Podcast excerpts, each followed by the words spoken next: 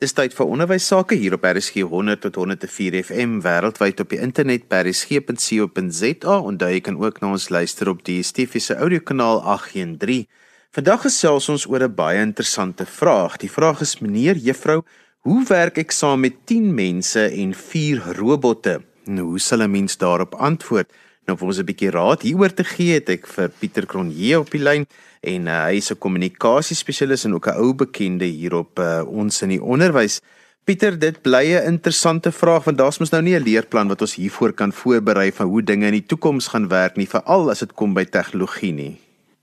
Presies. Dit is nou regtig 'n klip in die bos uh, vraag of 'n uh, is 'n stok in die algoritme speekvraag dit is nou nie asof die robotte ons stede of ons skole môre gaan omsingel en alles uh beheer van alles oorneem nie, maar ons moet begin 'n kopskuif maak om meer gereed te wees vir 'n onsekere en onvoorspelbare toekoms wat gedryf word deur inligtingstegnologie, biotehnologie, maar wat ook deur die invloed van klimaatsverandering bepaal gaan word. Pieter, as ons nou begin praat oor dat ons ons kinders moet voorberei vir die toekoms. Ons jy het nou 'n paar aspekte genoem wat mense gedagte moet hou, maar om kinders voor te berei vir 'n toekoms wat ons nie weet hoe dit gaan lyk nie. Dit dink ek is een van die grootste onsekerhede op hierdie stadium veral vir onderwysers. Dit is so. Onbekend is onbemind en daarbey ook 'n bietjie intimiderend. Maar ek dink 'n uh, 'n uh, 'n wyse stukkie raad is om nuuskierig te word en nuuskierig te bly. Uh die beroemde bestuursguru Tom Peters se persoonlike mantra is nuuskierig tot die bittere einde. Deur nuusberigte of aanlyn nuusitems te lees of net so 3 of 4 sleutelwebwerwe uh te besoek, kan 'n mens al 'n goeie begrip vorm van wat besig is om te gebeur in terme van kunsmatige intelligensie, masjienleer, uh algoritmes en dit klink na Grieks, maar daar is baie berigte wat uit 'n leuke oogpunt geskryf is hieroor en ek dink uh dit is deel van 'n onderwyser se taak om kinders se nuuskierigheid te prikkel en nuwe ehm um, perspektiewe in die klas in te dra. Ek weet dit is nie in die leerplan nie en ek weet uh onderwysers sit baie hoog op hulle vurk nie net met leerplanne, toetse en eksamens nie, maar ook buitemuurse bedrywighede. Maar daar's elke dag interaksie in die klas en 'n onderwyser wat uh, nuuskierig is oor hierdie goed, gaan 'n baie interessante gesprek aan die gang kry in die klas. Pieter wat vir my interessant is is dat mense ook nou bietjie oor tegnologie kom, daarna krities kyk en ook besig is om tegnologie binne die kind se ontwikkeling, binne onderwys en opvoeding bietjie op sy plek te sit om te sê maar daar is 'n bepaalde plek, maar dit kan nie alles oorheers nie. Dit is baie waar.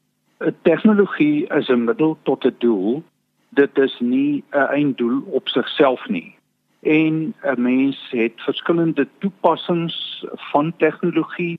Daar is in sommige gevalle waar dit 'n groot hulpmiddel is, maar in ander gevalle wat die belegging en die arbeid om uh, uh, voluit elektronies en tegnologies 'n besigheid of 'n onderneming te bedryf net eenvoudig uh, uh te groot is. Maar kom ons begin net by 'n paar voorbeelde As ons praat van inligtingstegnologie, dan is daar goed soos algoritmes. Dit is die uh, dit is die formules wat ons kan ontwikkel uit gebruikspatrone of uit data. Wanneer ons byvoorbeeld ons slimfone gebruik, dan deel ons van ons persoonlike gewoontes, ons voorkeure, ons gedrag met 'n uh, is met 'n soek engine of 'n groot platform soos Facebook of Twitter. En uit daardie data kan mense slim sakelesse leer byvoorbeeld oor wanneer stel mense waarin belang. Ek het nou die dag by 'n tegnologie maatskappy wat in uh, kunsmatige leer spesialiseer het ek kankers opsteek. En 'n interessante vraag byvoorbeeld is hoe kry groot supermarkte dit reg om presies die regte hoeveelheid kos van op presies die regte hoeveelheid produk op die regte tyd by die regte afsetpunt te hê. Nou as jy dit fyn kan bereken en jy kan die fokus al meer verfyn, gaan jy natuurlik baie geld spaar. Daar is goeie tegnologie. Soos byvoorbeeld die feit dat ons nou kunsledemate kan druk met 3D drukkers ehm um, die wêreld van Bitcoin en blockchain maak dit vir ons maklik om internasionaal transaksies te doen sonder die normale finansiële kanale en regulasies. Dan is daar byvoorbeeld ook ehm um, die vermoë om ondergronds kos te produseer. Die vermoë om water uit lug te maak die vermoë om sintetiese bloed te vervaardig met 'n hoër suurstofdravermoë en 'n langer raklewensduur as konvensionele bloed. So dit is goeie toepassings van tegnologie vir die mens se voordeel. Daar is natuurlik ook negatiewe gebruike van tegnologie waarop ons ook bedag moet wees. Pieter net soos wat die industriële revolusie mense eintlik sonder werk gelaat het want hulle was nie heeltemal voorberei op wat daai tegnologie dan nou en die impak wat dit op hulle lewens sal hê nie, het die vierde revolusie gaan ons ook 'n bietjie onkant vang want baie beroepe wat ons dink maar vir altyd daar sal wees, gaan skielik dalk nie meer so nodig wees nie. En um, dit het 'n baie spesifieke impak op hoe onderwysers dan kinders in die klas moet voorberei vir dit wat vir hulle voorlê. Dit is so. Ehm um, ek dink wat baie belangrik is is dat 'n mens 'n ondersoekende ingesteldheid moet hê. Dis in elk geval nodig met hierdie ooraanbod van fopnuus. 'n Mens moet vra, wie sê so? Wie is die bron? Watter bewyse is daarvoor? Is hierdie 'n geloofwaardige bron? Kan ek dit vergelyk of bevestig uit 'n paar onafhanklike geloofwaardige bronne. Dit is ook so dat 'n mens nie kan veralgemeen nie. 'n Robot gaan nie vir jaar iemand sy werk kos in Suid-Afrika nie. Maar 'n mens moet kyk, uh as ons byvoorbeeld net kyk na klanktoerusting vanaf 'n grammofoon na 'n kasetopnemer na digitale klank. Uh, dit is groot tegnologiese spronge So waar daar 'n klomp herhalende werk is wat baie arbeid en energie verg en jy kan dit rekenaarmatig of met 'n geprogrammeerde masjien kan jy dit uh makliker doen dan moet 'n mens aanvaar dat daardie werke gaan verander. Maar wat dikwels ook gebeur is dat mense dan opgelei word vir vaardighede van 'n hoër orde om juist daardie prosesse na te kan uh, uh, omsien en dit te bestuur. Ehm um, 'n mooi storieetjie is dat iemand in Johannesburg wat die nagvullis uh, stelsel bedryf het, het ewe skielik by 'n kruispunt gestaan toe daar spoelriolering begin inkom. Uh, maar die persoon het toe gesê wel ek het die vervoermiddels en ek het die klante netwerk kom ek lewer iets anders af en toe lewer hy steenkool af want mense het dit nodig vir hulle stowe om te om te bak en te kook en ook vir kaggelvure. Maar toe ons skoon energie begin ontdek, toe word dit ook uit die mode, maar die persoon het toe weer eens gesê maar ek het die vervoerplatform, ek het die klantebasis, kom ek begin melk aflewer en ander vasprodukte. So as 'n mens vlug is op jou voete, en jy bly soort van net so eentjie oor die bult kyk dan uh, het jy 'n beter kans om nie onverhoeds betrap te word nie. En soos ek sê deur 'n paar tegnologie platforms te volg en met beskiedigheid te lees en met mense daaroor te praat amper op 'n ontdekkingsreis te gaan kan jy baie insig kry oor die noodsaaklikheid om jouself voortdurend in die toekoms te herontwerp, te herverpak en te herbemark en daarin lê die geheim. Ek gesels met Pieter Cronje, kommunikasiekundige oor tegnologie en hoe onderwysers en ouers leerders kan voorberei vir die toekoms, veral met tegnologie wat ons nog nie eers weet hoe dit bestaan en wat die impak gaan wees op ons kinders se lewens nie. Pieter, as ons moet praat oor iets soos masjienleer, dit is nou 'n term wat baie rondgegooi word op die oomblik en almal praat daarvan. Wat presies is masjienleer? Wel, 'n masjien het 'n bedryfstelsel nodig. Hy het iets wat hom uh, rig uh, en bepaal wat hy moet doen.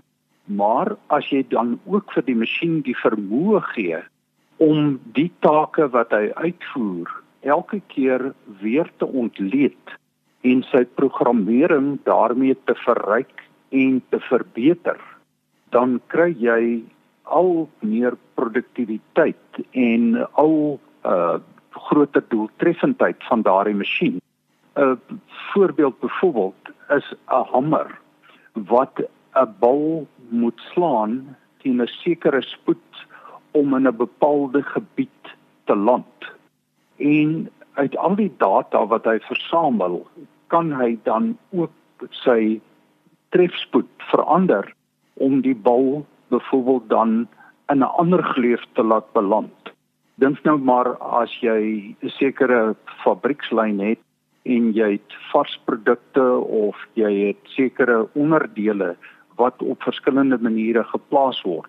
Nou deur daai data self te leer verbeter die masjien homself. Daar's 'n baie interessante boek wat geskryf is deur 'n Israeliese geskiedenisprofessor Yuval Noah Harari, 21 Lessons for the 21st Century en hy vertel onder meer hoe dat 'n baie minder kragtige skaakmasjien wat die vermoë gehad het om homself te kan leer en sy algoritmes of sy bedryfswyse steeds beter te doen 'n veel kragtiger skaakmasjien kon klop. So uh, uh mens wil nie te tegnies raak nie, maar dit is basies 'n rekenaarmatige program wat jou dan in staat stel om sekere uh funksies baie meer planmatig en doeltreffend uh, te doen. Dit is natuurlik 'n groot belegging. 'n Mens praat asof die tegnologie sommer hier van die rak af of van 'n slimfoon af vir jou uh, kan werk en dit is nie so nie. Vir 'n maatskappy soos Google, hulle bestee geweldig baie tyd en geld om die nodige data te versamel en dan die eh, rekenaar vermoë om daardie data sinvol te myn, te ontleed, te verfyn en toe te pas. En dis nie altyd moontlik vir 'n gewone onderneming nie. Maar ek wil net terugkom by die mensvaardighede wat so belangrik gaan wees ondanks die uh, verbluffende spoed van tegnologie. Ouers en onderwysers voel dikwels geïntimideer oor hierdie wêreld van tegnologie. Maar kom ons vat die internet. Hulle leerders en hulle kinders het onbeperkte toegang tot inligting en data vanaf hulle slimfone. Maar wat hulle nie het nie, is die ouers en die leerders se lewenservaring. Vir daar's 'n retoriese vraag, hoe lank vat dit om 50 jaar se lewenservaring te kry en die antwoord is 50 jaar. Jy leer uit jou foute hulle het ook nie noodwendig die ouers en onderwysers se oordeelsvermoë se konteks se algemene kennis begrip van hoe die samelewing werk nie en uh, dit is 'n baie waardevolle bate wat ouers en onderwysers het waarmee hulle vir kinders kan help dit is ook so dat uh geen professionele kwalifikasie op sigself vir jou suksesvol gaan maak nie. Die navorsing wys dat werkgewers of uh klante gaan verwag dat iemand wat 'n suksesvolle besigheid, professie bedryf of suksesvolle werknemer van 'n onderneming is, moet weet van goed soos diens. Hoe belangrik is diens? Hoe belangrik is kritiese denke om werklik te gaan uitpleis wat is hier fout en wat is die oplossing. Die ander ding is om met meer as een begrip op 'n slag te kan werk. Tegnologie is 'n middel tot 'n doel En daar is nog baie mensvaardighede wat ons gaan nodig hê in die toekoms en wat nie verplaas gaan word deur masjiene of slim rekenaars of rekenaarprogramme nie. Ons ons leef nog steeds tussen mense. Ons werk nog steeds saam met mense en ons lewer nog steeds 'n diens aan mense. En van daardie menslike vaardighede is belangrik. Boonbehalwe jou professionele kwalifikasie, vaardighede en ondervinding, moet jy ook die vermoë hê om te kan onderhandel, om 'n moeilike gesprek te voer, om te kan bemark, uh, om werklik krities te kan dink oor wat is die probleem en wat is oorsaak of wat is die simptome en wat is die oplossing. Uh en daardie mensvaardighede bly belangrik. Ek kan ses van hulle net so kortliks noem wat ek dink 'n baie nuttige ehm um, uh, reistassie sal wees vir die toekoms. Die eerste ene is vir mense om te besef bemarking is nie 'n reklameveld tog of 'n uh, spesiale promosie nie. Dit is jou individuele vermoë om uit te staan bo die geraasvlak. Elke dag kry ons meer as 5000 kommersiële boodskappe. Hoe staan jy uit? Hoe kies 'n kliënt jou dienste, jou vaardigheid en jou onderneming? Kan jy verduidelik hoekom jy beter of anders is as jou mededinger en kan jy dit wys of bewys? Die tweede ehm um, mensvaardigheid wat ons gaan nodig hê in hierdie onsekere toekoms is die feit dat ons ook handelsmerke is net soos die groot handelsmerke wat ons koop, ondersteun en 'n groot lojaliteit voor het. En uh, ons dink dat ons as 'n skool of as leerders nie 'n handelsmerk is nie, maar ons het ook vier kerndimensies. Ons het 'n produk en 'n diens wat ons aanbied. Ons verskaf toegevoegde waarde deur kundigheid, kennis en insig wat ons oordra. Mense wil graag sien dat iemand waardegedrewe is, maar dat dit nie net 'n geraamde traktaatjie op 'n kantoormuur is nie, maar dat jy in elke optrede besluit kan sien dit is die persoon se waardes en hy leef dit uit. En dan wil mense ook 'n positiewe ervaring hê. Niemand hou daarvan om met iemand te gesels wat moeg is, wat verveeld is en wat sug nie. So dis belangrik om te weet dat ons net soos die groot handelsmerke wat ons almal ken, daardie lesse geld ook vir ons. Dan is dit belangrik om behoorlik te kan kommunikeer. Ons dink daaraan as 'n natuurlike aksie want ons teks mos vir ons maats en ons praat mos en ons skryf mos. Maar ons moet altyd dink met wie wil ek nou praat? Wie is die teiken gehoor? Wat wil ek hê moet hulle dink en voel en doen as ek met hulle klaar gepraat het? Ehm um, hoe gee jy vir hulle iets wat relevant en nuttig is? 'n Ander beginsel is hou dit eenvoudig. Moenie verval in gonswoorde nie, want dit beteken jy verstaan dit self gee dan ook vir mense 'n bietjie konteks, 'n groter prentjie. Sê vir hulle waar kom hierdie ding vandaan? Waarmee hou dit verband en waarheen lei dit? En moenie vergeet om te herhaal nie. Wanneer mense 'n nuwe konsep hoor, moet hulle dit 7 keer hoor voordat dit werklik insink. Ons het twee ore en een mond. Ons behoort dit in daardie verhouding te gebruik. Ons moet ook die kuns aanleer om werklik aandagtig te luister en nie vooruit 'n slim antwoord in ons kop te formuleer nie.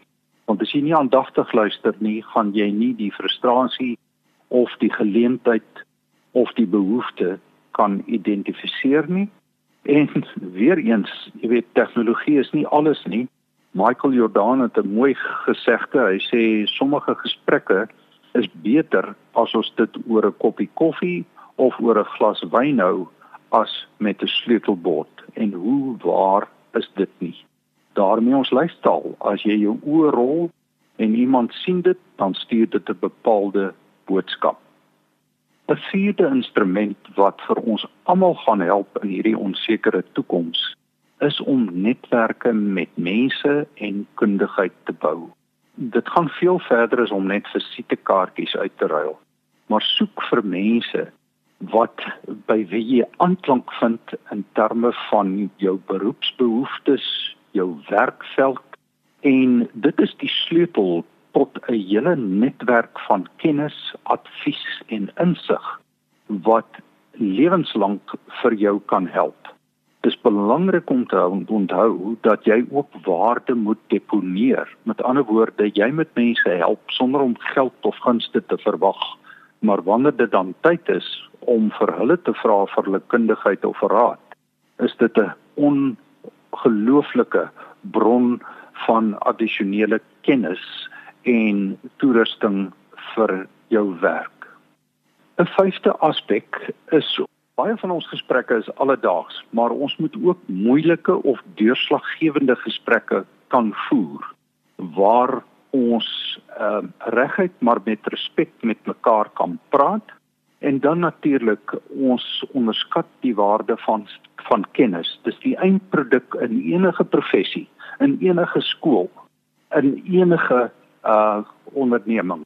Uh as jy waarlik vir mense persoonlike omgeediens kan lewer, dan het jy 'n loyale en 'n groeiende besigheid. So, benewens die tegnologie is daar belangrike mensvaardighede wat ons kan inspann vir 'n onsekere toekoms om onsself beter toe te rus. Maar die groot groot ehm um, wysheid oor die toekoms is bly nuuskierig. Gaan na webwerwe, luister na ted.com ehm um, en lees oor hierdie nuwe wêreld en wees bereid om aan te pas, vlug op jou voete te wees en hierdie te sien as 'n avontuur en 'n reis, nie 'n nagmerrie nie. Pieter, as skole met jou wil kontak maak, Jy gesels graag oor hierdie onderwerp. Hoe kan hulle dit doen? My e-posadres is pieter@pieterkronje.com in woord of 082 465 4965. En daarmee het ons gekom aan die einde van vandag se ons in die onderwys.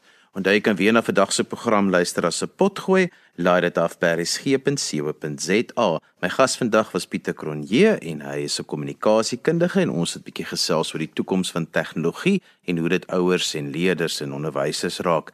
daarmee groet ek dan vir vandag tot volgende week van my Johan van Lille. Totsiens.